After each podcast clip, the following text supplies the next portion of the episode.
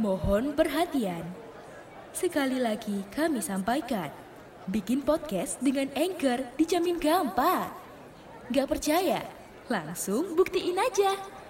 Anchor, teman setia podcaster.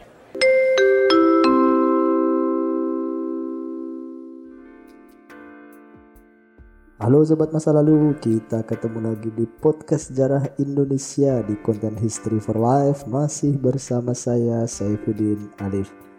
Kali ini saya akan bahas tema yang agak-agak nyambung sama peristiwa yang terjadi beberapa minggu yang lalu yaitu soal terorisme. Seperti yang sudah kita dengar dari banyak media, tanggal 7 Desember kemarin, Polsek Astana Anyar itu kan diserang oleh seorang teroris yang melakukan aksi bom bunuh diri. Pelaku sendiri kan sudah terdeteksi ya, yaitu Agus Suyatno alias Abu Muslim uh, yang merupakan anggota dari organisasi Jamaah Ansar Daulah. Sebenarnya gimana sih sejarah terorisme di Indonesia ini? Kalau kita perhatikan ya, tren terorisme di Indonesia itu kan sebenarnya berubah-ubah seiring perubahan zaman. Ini kita ngomongin Indonesia setelah merdeka ya, jadi bukan Indonesia masa penjajahan Belanda. Tapi meskipun berubah-ubah, kalau kita lihat polanya itu bisa kita bagi menjadi tiga. Pertama adalah ketika Indonesia itu masih pada tahap pembentukan sebagai sebuah negara ya kira-kira tahun 1949 sampai awal 1970-an lah. Nah ini di sana kan banyak muncul organisasi-organisasi separatis yang melakukan aksinya melalui metode teror. Ada DITII, ada APRA, OPM, GAM, RMS, ya macam-macam lah. Yang semuanya ingin melepaskan diri dari Indonesia. Kalau yang menggunakan doktrin agama ya DITII dengan tokohnya Kartosuwiryo.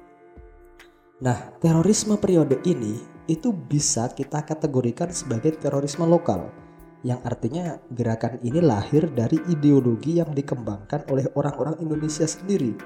Kalau pengaruh ya pasti ada dari luar Indonesia, tapi maksudnya mereka ini nggak di bawah komando jaringan internasional gitu loh. Nah, tren ini mulai berubah ketika masuk periode kedua sekitar tahun 1983 dengan munculnya kelompok Jamaah Islamiyah Tokohnya ya Ustadz Abu Bakar Ba'asir dan Ustadz Abdullah Sungkar.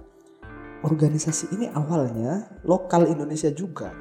Cuma kemudian berkembang terutama ketika Ustadz Abu Bakar Ba'asir itu pergi ke Malaysia sekitar tahun 1982 dan bertemu dengan orang-orang yang sepemikiran bahkan lebih radikal lagi dari beliau kayak Hambali dan kawan-kawan. Nah, dari sinilah kemudian Jamaah Islamiyah ini berkembang menjadi organisasi transnasional terbatas. Artinya masih sebatas lingkup Asia Tenggara, wabil khusus Indonesia dan Malaysia.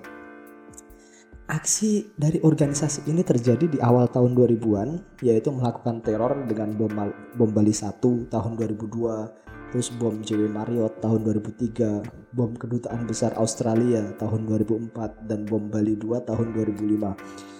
Nah, sasarannya mereka ini yang paling utama adalah Amerika Serikat dan sekutu-sekutunya karena tindakan Amerika Serikat yang menyerang Irak membuat perang di Timur Tengah, menginjak-injak Afghanistan dan mengkriminalisasi Osama bin Laden karena dianggap dalang dari peristiwa 9/11. Dan itu sangat menyakiti hati anggota dari jamaah Islamiyah. Ya secara Osama bin Laden ini kan tokoh yang diidolakan oleh anggota jamaah Islamiyah ketika itu tidak ada hubungan khusus antara Al-Qaeda dengan Jamaah Islamiyah atau JI ini, tetapi ada ikatan emosional sesama muslim dan ada persamaan tujuan yaitu membangun khilafah Islamiyah. Ada ikatan emosional juga karena banyak anggota JI itu adalah mantan kombatan Al-Qaeda di Afghanistan ketika perang melawan Amerika Serikat. Makanya yang diserang itu kan tempat-tempat yang dianggap sebagai sarangnya orang-orang Amerika dan sekutu-sekutunya kayak Bali, Hotel Mario, kedutaan besar Australia gitu-gitu. Nah, organisasi ini memang organisasi teroris, tapi masih mending lah.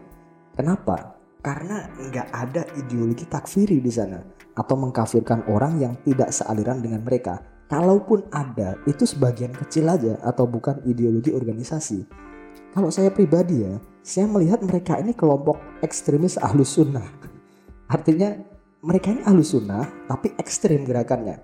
Artinya mereka tuh bukan syiah bukan mutazilah bukan khawarij gitulah.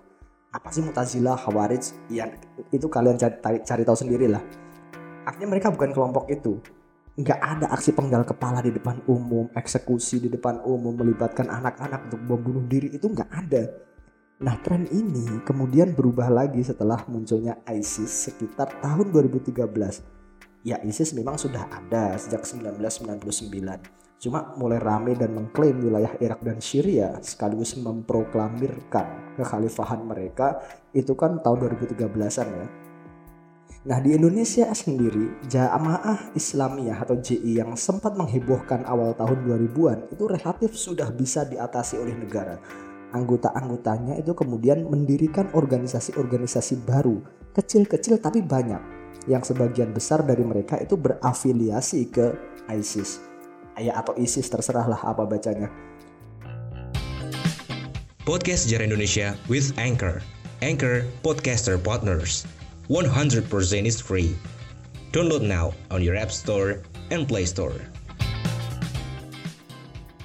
organisasi ini kayak Mujahidin Indonesia Timur atau MIT, terus ada Jamaah Ansarut Tauhid atau JAT, ada juga Jamaah Ansarut Daulah atau JAD, dan juga sisa-sisa anggota yang masih berusaha bertahan di Jamaah Islamiyah. Mereka itu nggak banyak, cuma capernya itu yang bikin kesel. Dan memang itu tujuan mereka caper dengan cara bom sana bom sini kecil-kecil. Korbannya nggak banyak random. Nggak jelas siapa yang mau disasar. Yang penting mereka aksi untuk menunjukkan kalau mereka itu ada. Nah ISIS dan kelompok yang berafiliasi ke ISIS ini ideologinya udah beda dengan jamaah Islamiyah atau JI tadi ISIS ini cenderung kepada kelompok Khawarij yang mengkafirkan orang-orang selain dari golongan mereka. Syiah, Ahlus Sunnah, Mu'tazilah itu kafir semua buat mereka. Makanya orang kafir di muka bumi ini banyak banget bagi mereka. Dan saya nggak ngerti ya gimana pikiran mereka ini. Serangan-serangan mereka ini itu random banget. Dan kayak nggak nggak impas sama nyawa yang dikorbankan di bom bunuh diri itu. Ya dengan segala maaf ya tanpa ada maksud meremehkan korban yang meninggal tapi kalau dibandingkan bom bunuh diri di Bali itu, kalau dari sisi pertimbangan perang itu kan impas. Nyawa satu orang korbannya ratusan. Lah ini nyawa satu orang korbannya nggak sampai lima. Bomnya juga skala kecil. Makanya kan ini ditertawakan oleh sama Ustadz Ali Imron, terpidana bom Bali yang sudah tobat itu. Kalau akhir-akhir ini teroris itu bomnya cuma selevel mercon katanya atau ali atau selevel petasan. Terlalu kecil masalahnya.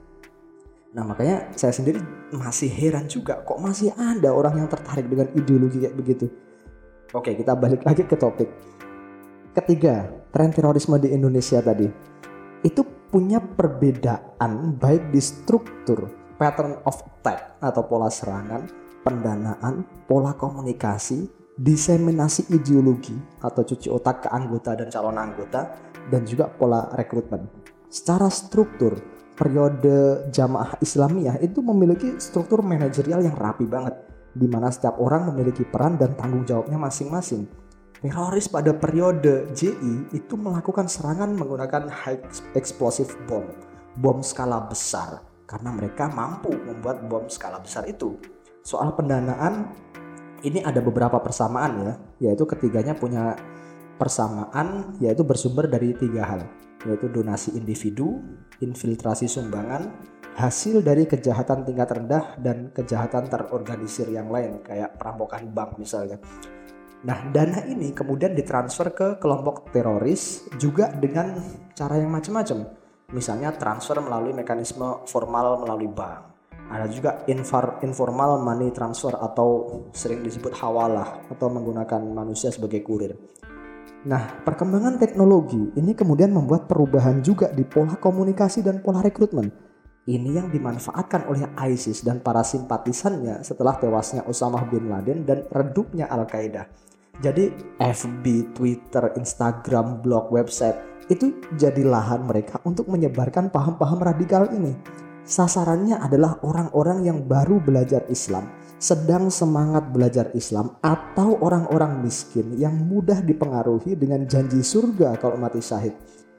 Sekitar tahun 2015 kemarin, tujuh tahun yang lalu ya, pas lagi rame-ramenya ISIS itu itu kan tiap ada teror atau bom bunuh diri gitu itu kan diklaim kadernya ISIS nggak tahu kader beneran apa enggak tapi kalau di Indonesia kayaknya nggak diklaim sama ISIS. Kenapa? Soalnya bomnya kecil-kecil.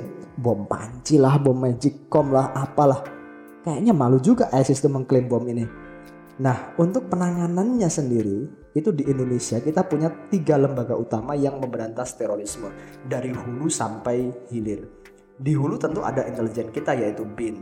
Ini buat preventifnya ya atau pencegahan. BIN ini tentu bekerja sama dengan intelijen dari berbagai organisasi kayak Baintelkamnya Polri, Baisnya TNI dan yang lain-lain. Terus untuk menangani menangani pas kejadian, ada kejadian gitu, itu ya tentu Densus 88 yang memang disetting sebagai kesatuan anti teror.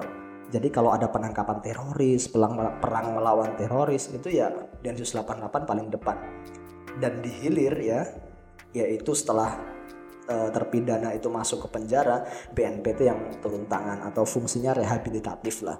Jadi kegiatan deradikalisasi disadarkan dari ideologi Islam yang menyimpang itu tugasnya BNPT ketiganya tentu saling bekerja sama dan saling melengkapi.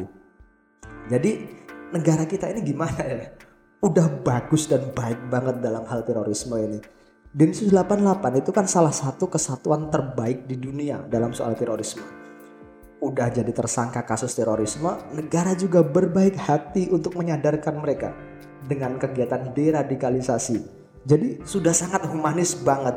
Dan itu kan diakui oleh para mantan terpidana teroris kayak Saad Ali Imron, Umar Patek, dan yang lain-lain baiknya lagi ya yang ditangkap kan yang dianggap bersalah aja lembaganya ya baik-baik aja diawasi iya pasti tapi kan nggak dibubarkan kayak pas Ustadz Abu Bakar Bashir ditangkap karena terlibat JI dan alumni-alumninya juga banyak yang terlibat di bom Bali 1 dan 2 Pondok Al Mukmin Ruki ya baik-baik aja. Nggak terus dibubarkan kan? Bayangkan kalau itu terjadi di Amerika misalkan. Udah dibubarkan itu pondok pasti. Nah, dari sini kita jadi paham ya, kalau Indonesia itu udah islami banget negaranya. Bukan negara Islam, tapi negara yang islami. Artinya nilai-nilai Islam itu sudah diserap di dalam negara. Dan itu ya keniscayaan, karena mayoritas rakyat Indonesia adalah umat Islam. Kekurangan-kekurangannya tentu masih banyak, tapi bukan berarti kita harus menyerang negara dengan membunuh orang-orang yang tidak berdosa atau jadi ya please deh buat para simpatisan ISIS ini sadarlah. Mari kita rawat keberagaman dan kita tunjukkan kalau Islam itu betul-betul rahmatan lil alamin atau rahmat bagi semesta. Oke, gitu aja podcast kita kali ini. Terima kasih bagi yang sudah mendengarkan podcast ini sampai selesai. Sampai jumpa di podcast-podcast yang lain. See you.